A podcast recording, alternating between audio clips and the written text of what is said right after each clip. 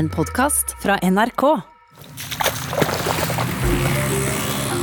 Når jeg hører at folk eh, under 30, da, er eller under 35, ser på det jeg lager og syns det her var kult, så blir jeg selvsagt veldig glad for det. Da har jeg liksom truffet riktig. Jeg har gjort noe som eh, folk faktisk vil se på. Det, det er ingenting som gir meg mer glede enn det.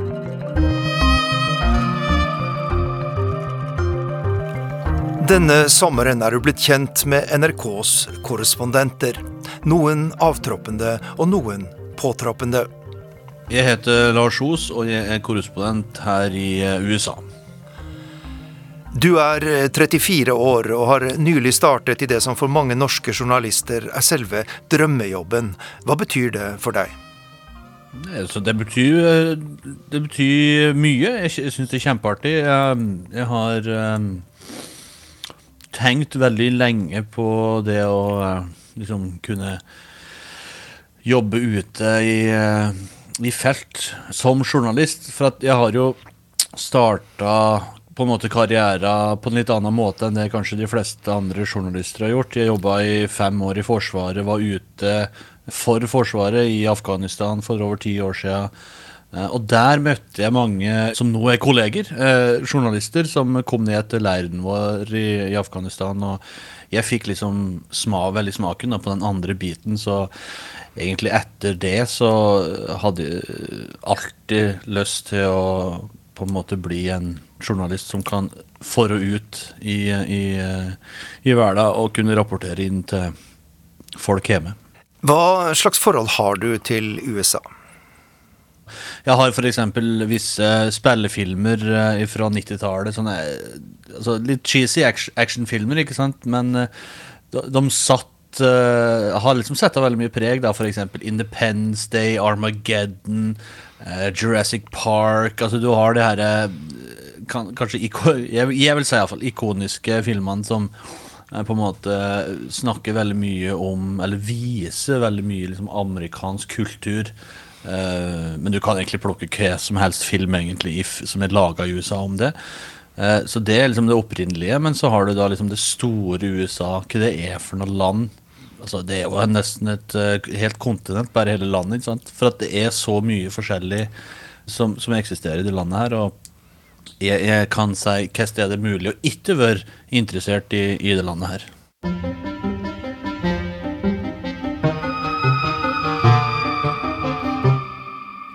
Du har jo en noe uvanlig bakgrunn som NRK-korrespondent. Vært vår fotograf i USA, eh, deretter såkalt videojournalist. Og mange vil jo huske dine koronareportasjer fra i, i fjor vår. Og vi skal høre på en av dem. I New York så er det altså så mange som eh, dør nå. eh, de har ikke mulighet til å frakte dem til andre plasser, så de er nødt til å lagres da, i det her kjølecontainerne. Kjører gjennom Park Avenue. Nesten ingen biler. Helt tomt. Hvordan opplevde du disse dagene i New York, da byen var det globale episenteret for koronapandemien? Eh, Jeg var iallfall eh, redd, det kan jeg huske. Eh, Det var, det var liksom ikke noen frykt om at å, nå kan jeg bli smitta, nå kan jeg havne på sykehus.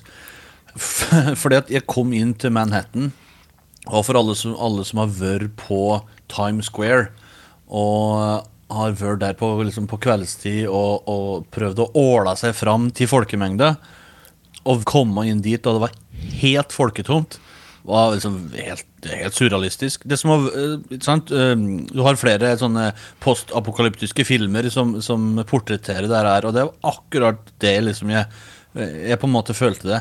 Eneste, eneste forskjellen var at strømmen faktisk var på. Eh, Så du, det du kunne høre på Times Square, var susen til eh, kjølesystemer til alle de store skjermene.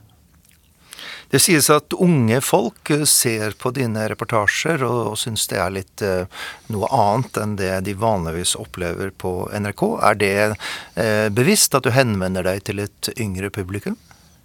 Eh, Jeg tenker en del på det, eh, rett og slett fordi at eh, jeg tror det er like viktig å, å stimulere mm, interessen for den yngre, gener altså yngre generasjonene og, og, og, de yngre seerne. For at jeg tar med meg kamera og går inn i en, eh, i en situasjon og, og, på en måte er med på det som foregår. Og, på den måten så føler jeg at jeg kan dekke det som skjer, ganske, eh, ganske rått og ærlig. Eh, og så syns, syns, jeg da at eh, intervjuobjekt um, og de jeg er med, um, fremstår enda mer naturlig, og det tror jeg også fungerer veldig godt med, eksempel, med, med seerne hjemme. Når jeg hører at folk uh, under 30, da, eller under 35, ser på det jeg lager og syns det her var kult, så blir jeg selvsagt veldig glad for det da har jeg liksom truffet, riktig. Jeg har gjort noe som eh, folk faktisk vil se på. Det, det, er ingenting som gir meg mer glede enn det. En eh, annen stor sak som du dekket, var de voldsomme opptøyene etter drapet på George Floyd i Minneapolis i mai i fjor. Går gjennom eh, nabolaget som først ble eh, brent ned her for et par dager siden. Som du ser, så, så her, ja. Det brenner fortsatt i bygninger. Det er enorme ødeleggelser etter eh, all demonstrasjonene. Den stien som demonstrantene har lagt etter seg, den er ødeleggende og veldig tydelig. Det svarte Amerika eksploderte, og du var midt i tumultene. Hvordan var det?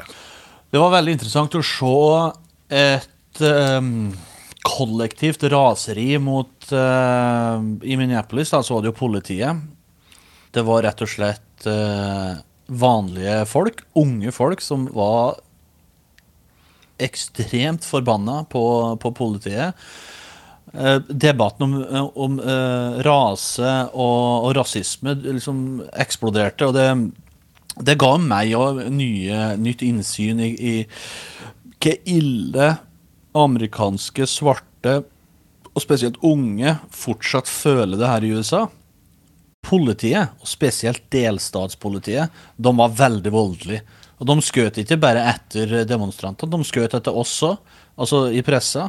Og det var uh, slike eh, gummikuler og, uh, og store sånne skumgummikuler som ikke er særlig uh, mjuk, for å si det sånn. Jeg, jeg ble sneia av en av dem, og det, det sved ganske godt, uh, for, for, å si det sånn. Så det, um, og det var litt sånn blind Nesten en sånn blind vold nærmest ifra dem. For de, de dengte løs bare på folk de fikk tak i. De marsjerte liksom i sånne uh, i, i rekker. Og, og de, altså, du har jo videoer der de går igjennom Eh, nabolag og, og, og skrik og rope til folk som kommer ut på, ut på, uh, på trappa si på, altså ved huset sitt og, og, skrik til dem 'Kom dere inn i huset! Kom dere inn i huset!' Og her er det jo bare uh, folk som bor i et nabolag, som går ut døra og bare ser hva som foregår. Og så skjøt politiet gummikuler mot de som står ute på verandaen sin.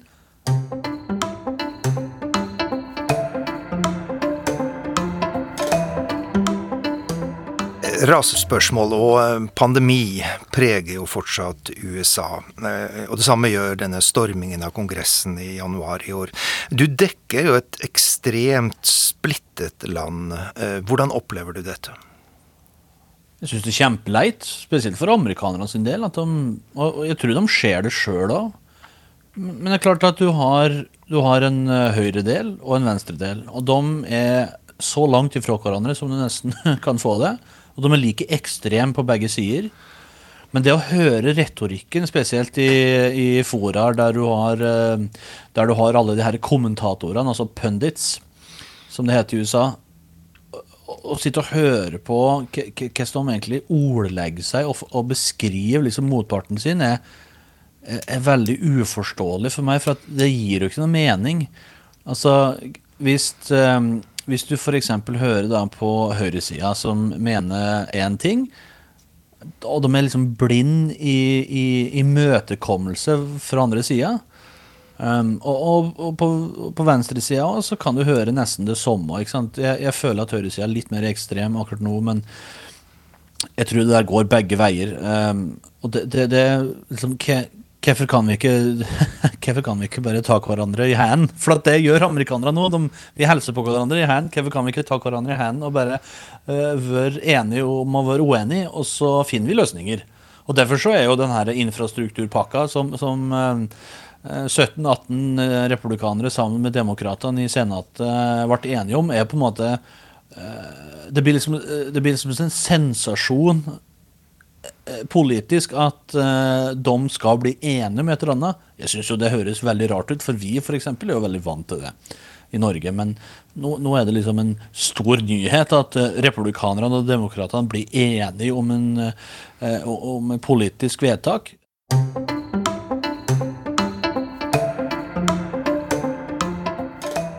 Ideen med disse sommerportrettene er jo å bli bedre kjent med dere som er NRKs øyne og ører rundt om i verden. Derfor spør jeg deg, hvordan er din drømmesommer? Nei, det være hjemme på gården og kjøre silo og arbeide med øh, Så arbeide med det som må gjøres på en gard på sommerstid, ganske mye. Jeg har aldri vært noen fan til å reise bort i to uker på noe sydenferie eller noen ting. Jeg har aldri tatt meg noe lengre ferie enn ei uke, kanskje. Så, så, det å være hjemme og, og arbeide, det er, det er drømmesommeren. Det, det, er koselig. Det er av, avkobling. Um, det å gjøre noe annet er ferie for meg. Uh, ferie er ikke for å slappe av og gjøre så lite som mulig, for da blir jeg rastløs med en gang. Hvor er hjemme? Hjemme er gården på Os i Østerdalen, som er rett sørafor Røros. Lars, det har jo kommet noen reaksjoner på at du bruker din lokale dialekt i NRK. Hvordan reagerer du på det? Ja, altså Jeg syns, eh, jeg syns at de som eh, reagerer på det, de skal få lov til å gjøre det. Eh, jeg har lov til å bruke dialekten min, og jeg er veldig stolt av dialekten min. Og jeg har jobba mye med det. altså hvis jeg skal, hvis jeg skal liksom være 100% osing, eller prate 100% osing, så er det mye eh, mange ord som folk ikke kommer til å forstå.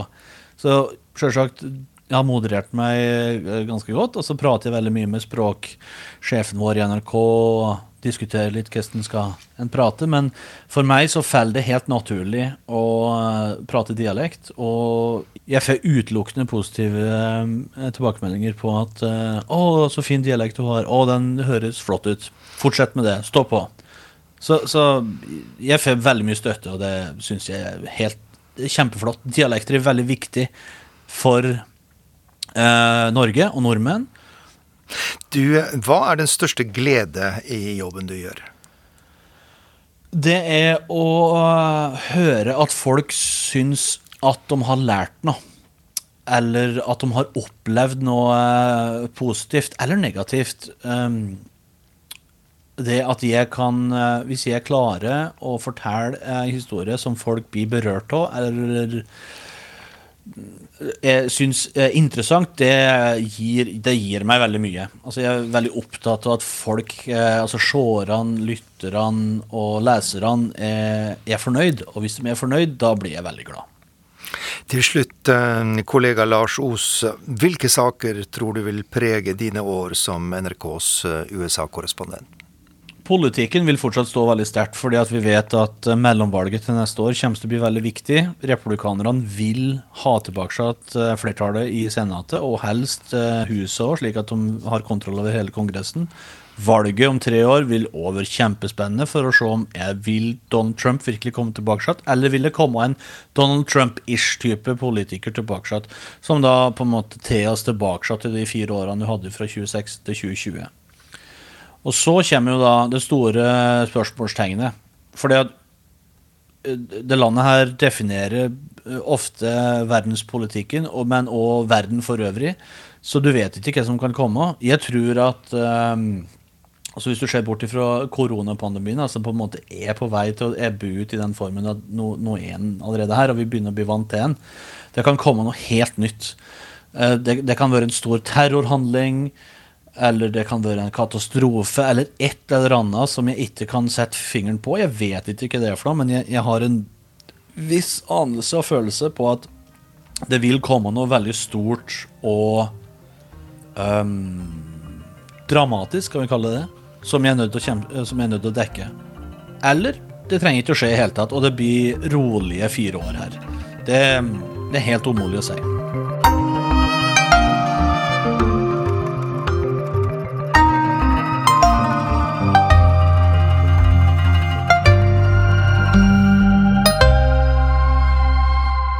Du har hørt en podkast fra NRK. Hør flere podkaster og din NRK-kanal i appen NRK Radio.